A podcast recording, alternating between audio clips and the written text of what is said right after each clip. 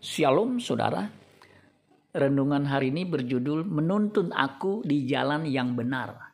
Mazmur 23 ayat 3. Ia menyegarkan jiwaku, ia menuntun aku di jalan yang benar oleh karena namanya. Di dalam PL perjanjian lama, Tuhan berjanji menuntun umatnya ke jalan yang benar.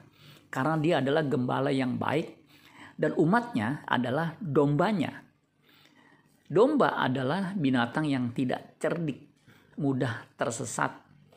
Domba sulit mendaki gunung karena kondisi tubuhnya yang berat di bokong. Umat PL juga demikian sulit menapaki jalan yang benar. Jalan yang benar itu biasanya tidak mudah. Selain berliku-liku juga naik dan terjal serta berbatu. Mazmur 61 ayat 3 dikatakan dari ujung bumi aku berseru kepadamu karena hatiku lemah lesu. Tuntunlah aku ke gunung yang ke gunung batu yang terlalu tinggi bagiku.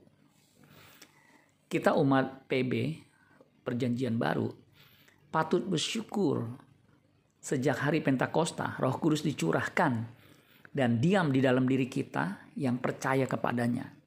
Roh Kudus berdiam di dalam diri orang percaya atau dimeteraikan dengan Roh Kudus. Efesus 1 ayat 13. Di dalam dia, kamu juga karena kamu telah mendengar firman kebenaran yaitu Injil keselamatanmu, di dalam dia kamu juga ketika kamu percaya dimeteraikan dengan Roh Kudus yang dijanjikannya itu. Roh Kudus akan memimpin kita ke dalam seluruh kebenaran Allah. Yohanes 16 ayat 13. Tetapi apabila ia datang, yaitu roh kebenaran, ia akan memimpin kamu ke dalam seluruh kebenaran.